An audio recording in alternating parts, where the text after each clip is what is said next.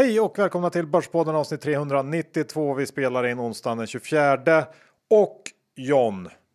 Vi är även denna vecka stolta över att få presentera vår huvudsponsor Skilling, den svenskägda multi-asset trading-plattformen. Och John, vi tänkte passa på den här veckan att tipsa om deras erbjudande inom fractional trading, det vill säga man kan köpa delar av en aktie. Det finns ju en hel del aktier där ute på den amerikanska marknaden främst som kostar ganska mycket pengar. Ja, vi har ju Tesla, vi har Amazon som är eh, snordyra och eh, kostar eh, tiotusentals kronor. Och eh, det är så, man kanske vill köpa en halv aktie eller två och en halv och då kan man faktiskt det på Skilling. Ja, det är ett väldigt smidigt sätt att komma åt dyrare aktier och nu eh, så har Skilling under en begränsad tid också eh, noll i rollover fees och eh, som vanligt inga kommissioner på de här affärerna.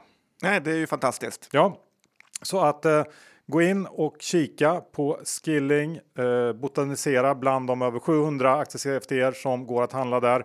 Eh, ni vet att eh, man signar upp så enkelt med ett bank-id, inga problem. Och man kan öppna demokonto också om man känner för det. Det kan man göra. Men kom ihåg att 69% av retailkunder förlorar pengar när de handlar CFDR. Besök skilling.com för en fullständig ansvarsfri skrivning. Så med det säger vi stort tack till Skilling. Den här veckan John så går vi över till att prata om de lite mindre bolagen som strömmar in med Q4. -or. Vad blir det mer? Ja, men det är kul att vi får ta upp dem eftersom det är väl främst de som har gjort oss rika om vi nu är det. Eh, ja, sen kommer det vara eh, lite Ola Serneke. Det kommer vara lite Joe Rogan och Elon Musk. Jag tror inte man blir besviken som man så sällan brukar bli när man lyssnar på det här eh, programmet. Det tror inte jag heller. Vi är denna vecka sponsrade av Best Secret som ju är en modesajt endast för medlemmar. Det vet tidigare lyssnare. Best Secret har varit med oss under en längre period och nu får man ett exklusivt medlemskap via Börspodden. Antalet inbjudningar är begränsat så det är först till kvarn som gäller. Men vad är då Best Secret? Jo, det finns alltid över 3000 exklusiva varumärken och alla produkter är alltid rabatterade med mellan 20 till 80 procent. Ja, jag tror att man faktiskt måste logga in för att se hur fruktansvärt eh, mycket det finns att eh, välja mellan och vilka toppmärken. Jag kan ju rabbla några här så man får en känsla på ändå vilken nivå det är. Och det är ju Tommy Hilfiger, det är Calvin Klein, det är Gant, det är J. Lindeberg, Lacoste eh, och så vidare. Du kommer inte vara missnöjd när du loggat in här. Ja, och man ska också komma ihåg att det alltid är fria returer. För att bli medlem då går man in via länken bestsecret.se börspodden. Och som sagt, det är först till kvarn som gäller. Antalet inbjudningar är begränsade. Så gå in direkt på bestsecret.se börspodden. Stort tack Best Secret! Johan, Dr. Bass, Isaksson Index är i 2023 och eh, börsen är eh, ganska rolig faktiskt, även om den eh, står och stampar på hyfsat samma ställe som förra veckan. Ja, det känns ju som att det har skakat lite mer än vad, vad index eh, visar så att säga den sista veckan. Man läser ju lite här och var nu om, om stigande långräntor och någon slags smygande rädsla för inflation som börjar komma. Jag såg att Michael Burry du vet han som är med i The Big Short eller som det skrivs om i The Big Short. Twittra om det i helgen och det har varit också andra finanskändisar som varit ute och tagit upp den här risken på slutet.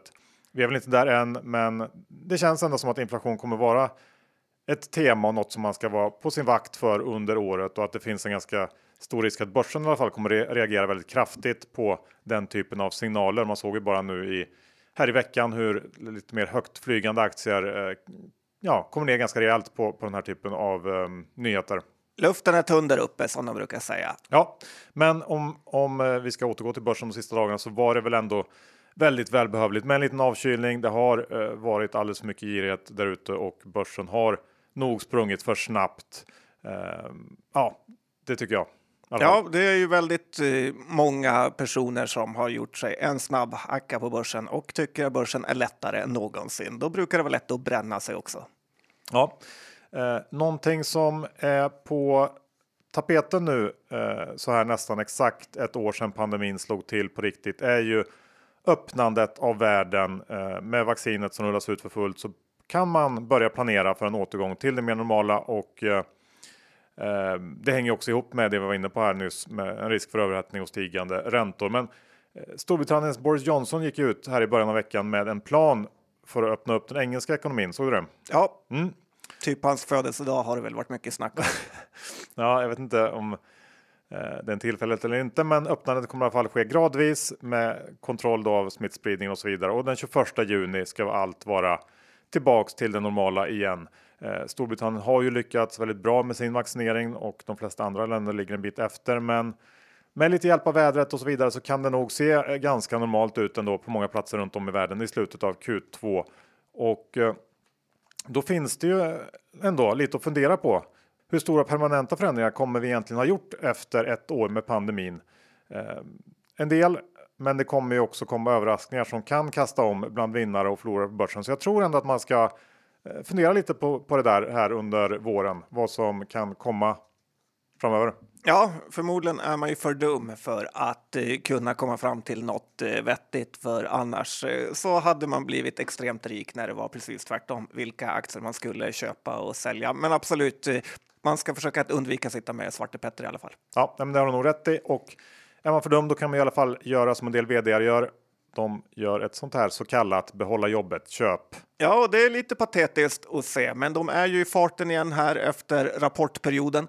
Och eh, jag tycker att det är lite kul att hålla koll på hur vd eller finanschefer i bolag som då oftast rapporterar svagt gör små insynsköp för att försöka lura styrelsen att de fortfarande är hårt committade till bolaget och tror på den framtidsplan de målat upp, trots att det mesta går fel.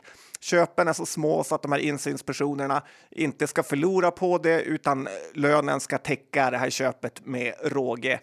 Eh, det har skett både i Essity och Swedish Match nu och eh, jag tycker nu när Essity har gått dåligt i flera år så borde Magnus Groth våga drämma till och köpa lite mer än ynka 4000 aktier. Och i Swedish Match var det ju ännu mer eh, patetiskt med ännu mindre pengar, några hundratusen kronor de köpte där. Så är man insynsperson i de här större bolagen med fetinglöner så köp ordentligt, annars kan ni lika gärna låta bli. Vi går över till eh, Serneke Gate.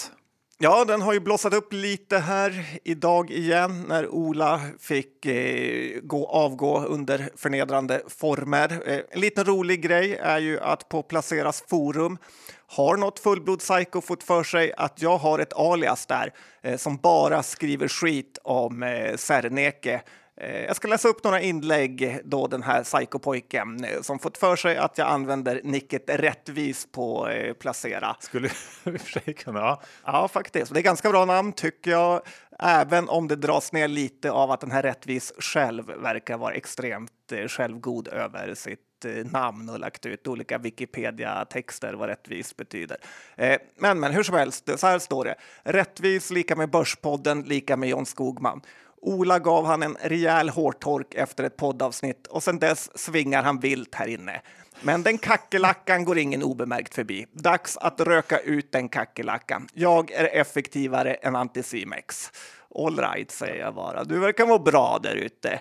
Eh, sen i nästa inlägg fortsätter han med kackerlackan-temat här. Och till kackerlackan, rättvis John, slash John Skogman. Du är avslöjad, så lägg ned det är lite ilska känner jag. Ja. Vad säger du? Jo, absolut. Eh, lite undrar mig också lite fler saker, bland annat vad den här killen som eh, har kontot på riktigt eh, tänker. Eh, men jag kan då lugna den här kackerlackjägaren med att det inte är jag som är rättvis, så att eh, jag kan hålla sig lite mer passiv tycker jag. Ja, skönt att vi fick det ur världen.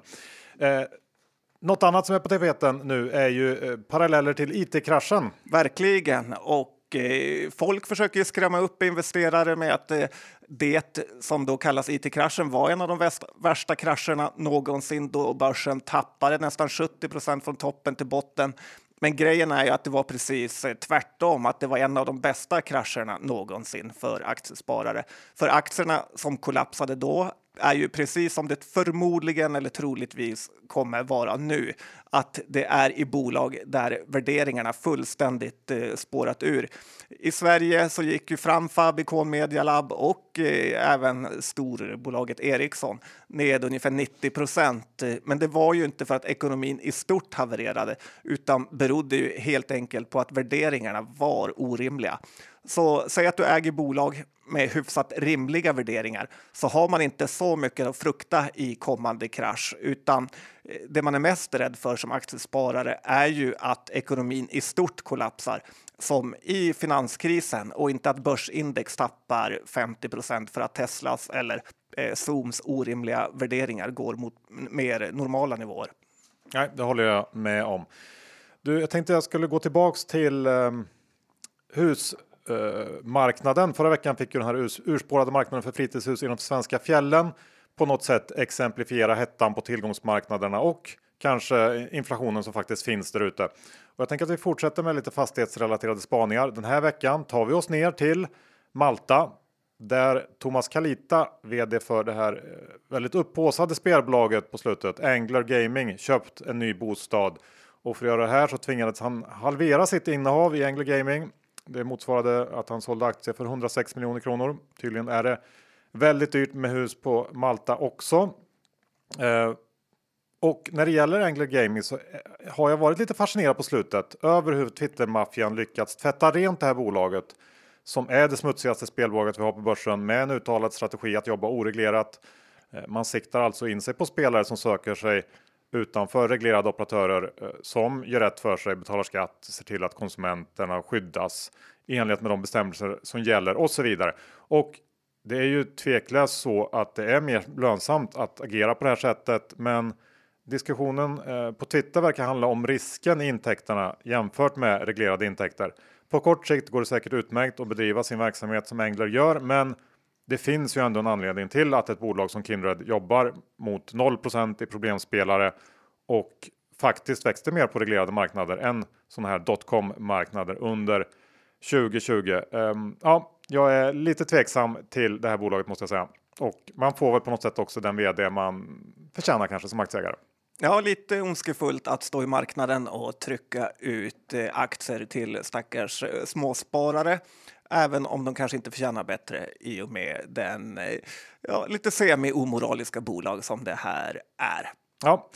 Hur är det med Husky Chocolate då? Det har ju varit ett återkommande tema i podden. Eh, där de börjar dyka upp i media igen. Ja, faktiskt. Och för det är ju lite intressant att det är någon svensk-norsk kombination här.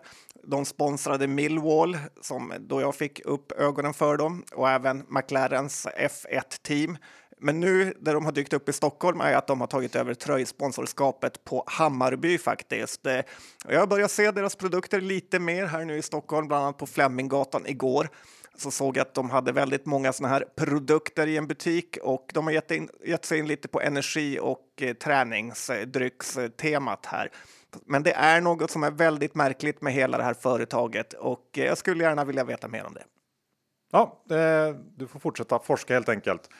Ska vi eh, avsluta John med ehm, Joe Rogans omtalade intervju med Elon Musk här eh, för någon vecka sedan. Ja, det de som tycker att Börspodden ibland är lång kanske ska eh, titta till Joe Rogans poddar när han träffar Elon Musk och eh, i en podd som sträcker sig över tre och en halv timme där de drack sprit och hade trevligt. Kanske något vi ska börja med Johan här med våra gäster. Ja, ja varför inte? Eh, ja, vi hade ju inte tackat nej till i alla fall. Frågan var vad gästen hade sagt. Hur som helst, podden var ju väldigt underhållande, framför allt för att Elon Musk är ju en väldigt rolig person att eh, lyssna på och eh, en sak jag tänker man kan ta med sig är ju vilken makalös koll han har på sina bolagsprodukter. Eh, eh, man skulle vilja att en svensk vd var i närheten av att kunna precis varje detalj som Elon kan. Han vet allt från hur instrumentbrädan på varenda Tesla fungerar till hur SpaceX raketer har designats. Vi är denna vecka sponsrade av Lendify som just nu kör en kampanj där man får 50% rabatt på serviceavgiften under 6 månader på insättningar som sker till och med 14 mars. Så länge insättningarna är över 20 000 kronor. Eh, det här är ett bra erbjudande och någonting man kanske ska passa på att nappa på om man inte har startat upp ett sparande på Lendify ännu. Ja, vi har ju stor del av vårt företags pengar där. Det är skönt att se hur både ränta och amortering tickar in varje månad och stärker vårat eh, kassaflöde. Vi kommer fortsätta med det. Ja, och vill man dessutom ha den här extra 500-lappen insatt på sitt konto, då kan man gå via länken lendify.se snedstreck Bullspodden. Eh, stoppar man in minst 20 000 kronor och investerar dem så blir det 500 kronor extra insatt på kontot. Så tack Lendify! Så John, man kan ju lite grann känna att rapportperioden är över, men det är den inte, för det kommer in ganska mycket bolag eh, i det lite mellanstora och mindre segmentet. Och, ehm, Där finns det mycket pengar att tjäna kan man säga. ja, och förlora också. Ja, tyvärr. För det har ju alla eh, dataspelsbolagsägare fått känna på lite grann på slutet. Eh, Thunderful Group idag kom med en rejäl ehm, En dundrande usel rapport kan man säga. Om man ska Ja. skoja lite på namnet. Place- något för placera och ta upp. och ehm, igår var det väl Paradoxa, eller var det förrgår? Nej, var Nej, det var igår. Eh, kom en riktigt eh, usel rapport, straffades också, också rejält på börsen. Eh, resultatet kom in ungefär 50% under förväntningarna och det berodde på lite sämre tillväxt än väntat kombinerat med nedskrivning av spel som inte getts ut än och dessutom då så medde- meddelar man att det här efterlängtade vampyrspelet Bloodlines 2 inte kommer att komma ut under 2021 heller. Det här spelet har ju redan dragits med förseningar och nu byter man också utvecklingsstudio för att få ordning på grejerna. Det känns ju inte som att man vill leda det här jobbet eh, och ta hand om Bloodlines 2. Nej, att eh, låtsas skriva spel som inte verkar fungera måste vara en av de värsta sakerna man kan hamna i. Ja, eh, och det här innebär också att Paradox inte har något stort spel med planerad lansering under 2021. Och det gör väl att tillväxtutsikterna inte ser så roliga ut för det här året. Eh, och det är väl den stora anledningen till att aktien gick ner så mycket. Ehm, och det är också rimligt tycker jag med, med ett ganska stort nedställ efter de här nyheterna. Eh, speciellt med den värdering man har.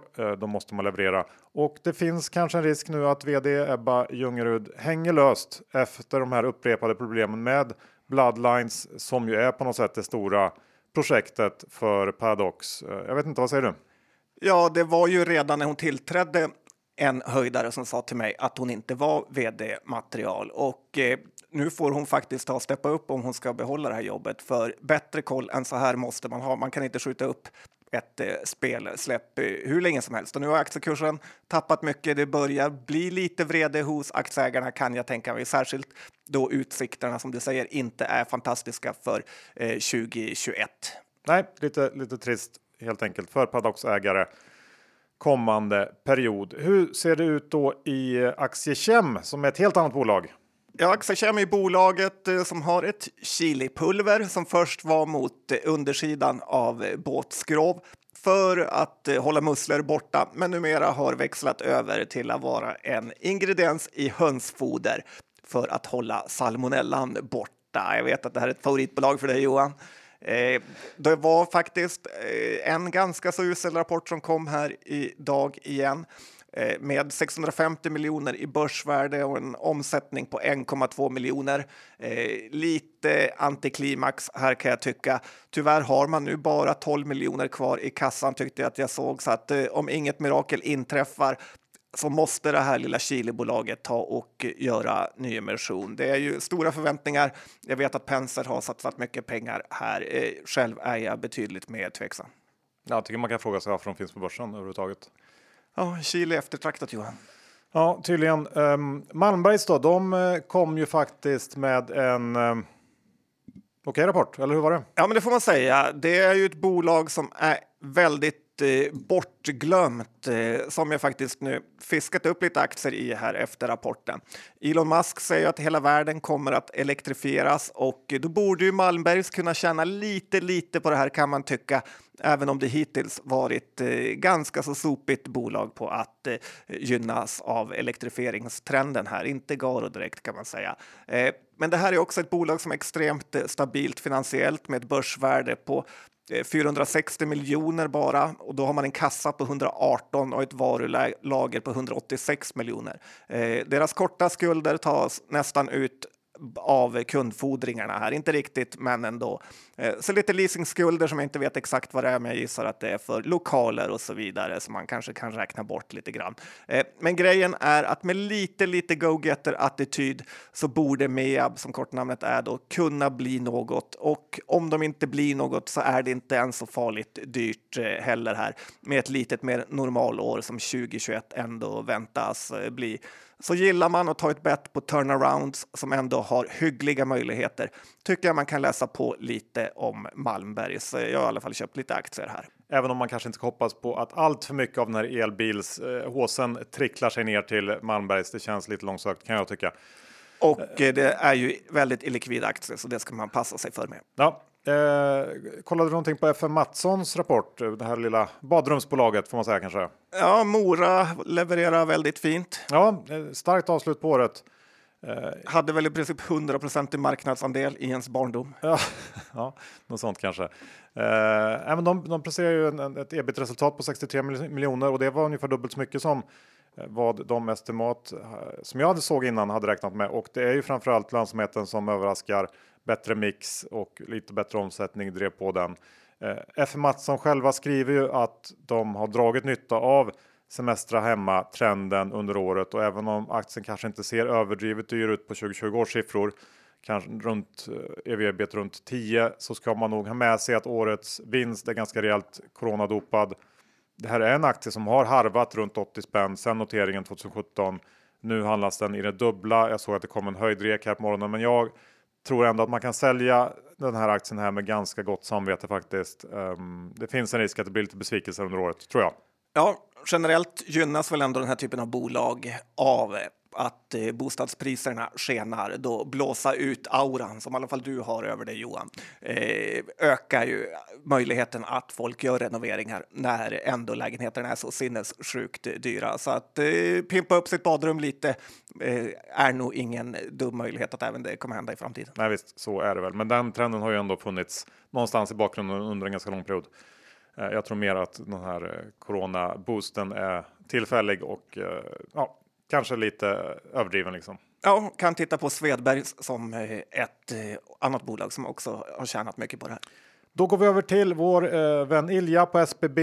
Ilja och har, SBB och, har rapporterat. Ja, han har varit ute och härjat här. Fick väl mest uppmärksamhet mer än rapporten egentligen med den här jämförelsen som eh, mot andra bolag som har betydligt högre värdering eh, som Sinch, Evolution, Stillfront och EQT Eh, Eh, med då sammanfattningen att SBB är ofattbart mycket bättre på eh, allting, omsättningstillväxt och vinsttillväxt eh, samt med ett p-tal på bara en bråkdel eh, jämfört med de andra bolagen. Det blir ju lite konstigt här när SBB räknar med värdeförändringar i sina fastigheter, för då blir det ju lite som att de andra bolagen nästan skulle få räkna på sina förändringar på aktiekurserna med på något sätt här. Ilja har har ju fått en hel del skit för det här, men jag tycker ändå att det är lite intressant att någon vågar ifrågasätta bubbelvärderingarna för vissa bolag eh, som finns där ute. Ilja vill nog faktiskt bara väl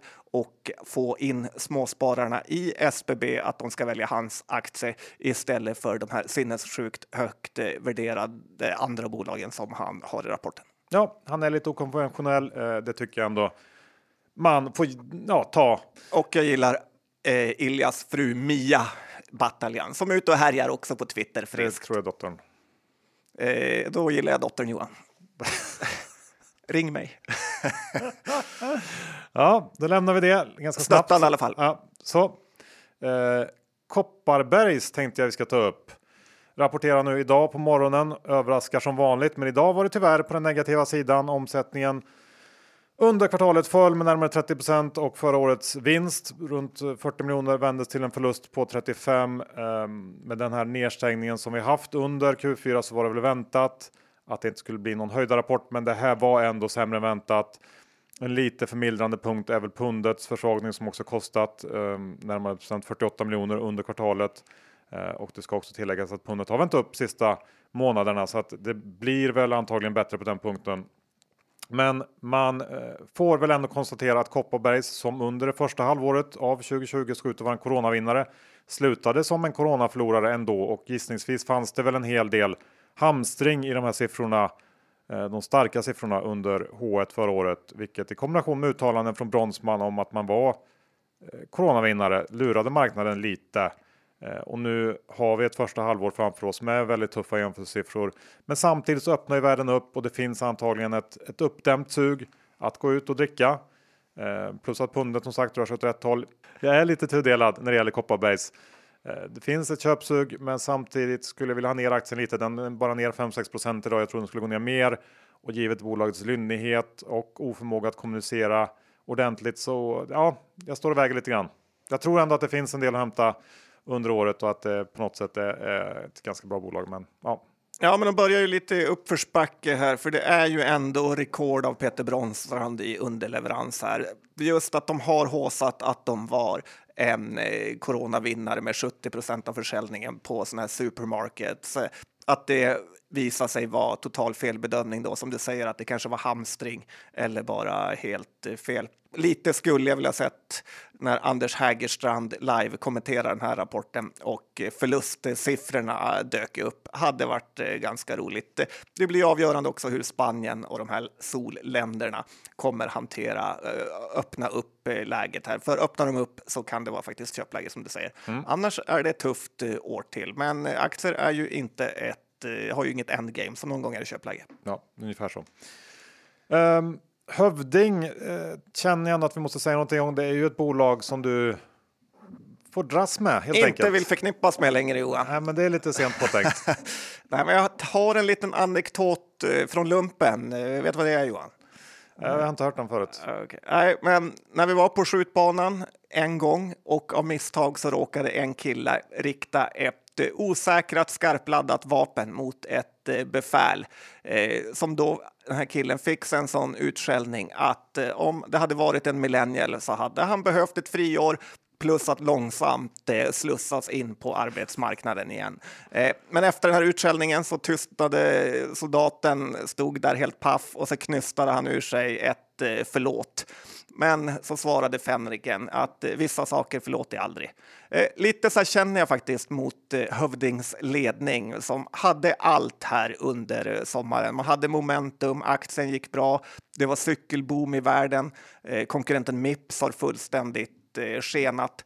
Allt låg öppet för bolaget, men istället tar vdn och gänget och kränger ut massa aktier för att vara med i det här eh, optionsprogrammet. Cojones säger man ju i spansktalande länder, men det ordet uttalas inte så ofta på Hövdings huvudkontor kan jag meddela. Eh, om vdn tror så här lite på bolaget, varför ska man själv då orka tro på dem? Eh, men till slut då, bort med bitterheten här. Så eh, rapporten var väl okej, okay, inte mycket mer. Eh, om vi börjar med det negativa så var ju den egna försäljningen via hemsidan eh, lite för dålig, den till och med minskade.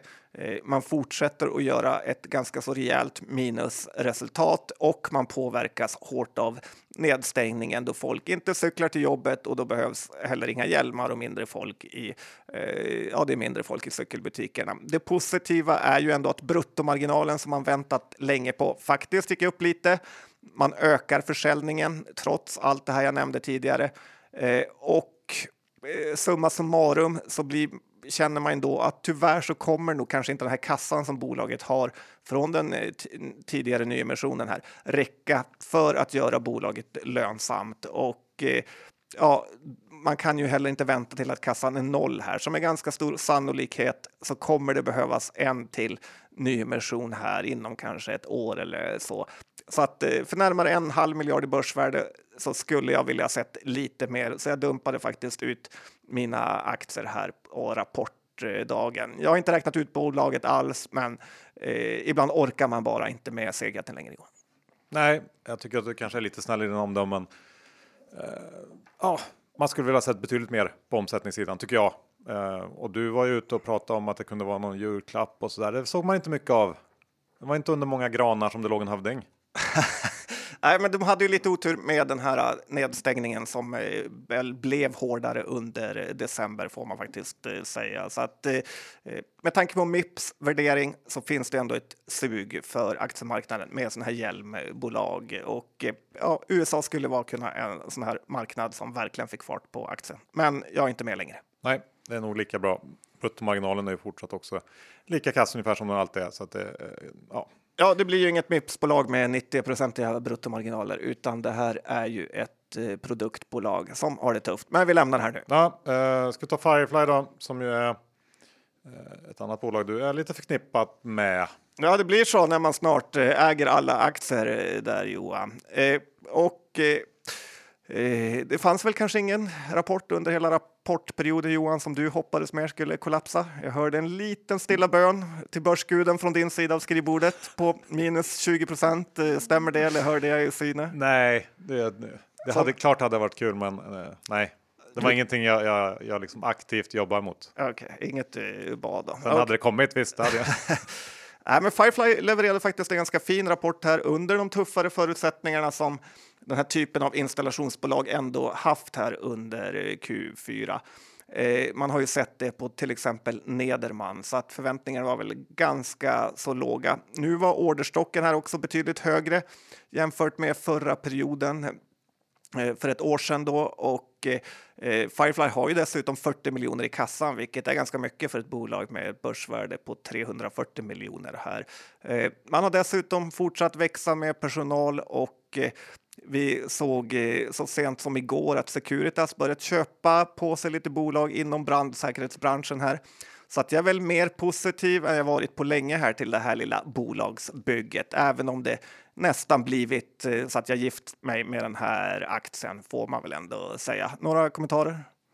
Nej, det var väl stabilt, men det är liksom. Det här är ju en, en slumrande aktie som inte gör så mycket. Jag vet inte, det är väl någon slags alternativ till bankkonto kanske. Eh, Okej, okay, tack Johan vi går vidare. Eh, hur hur um, ser det ut när det gäller eh, Gravity-gänget då? Gravansekten.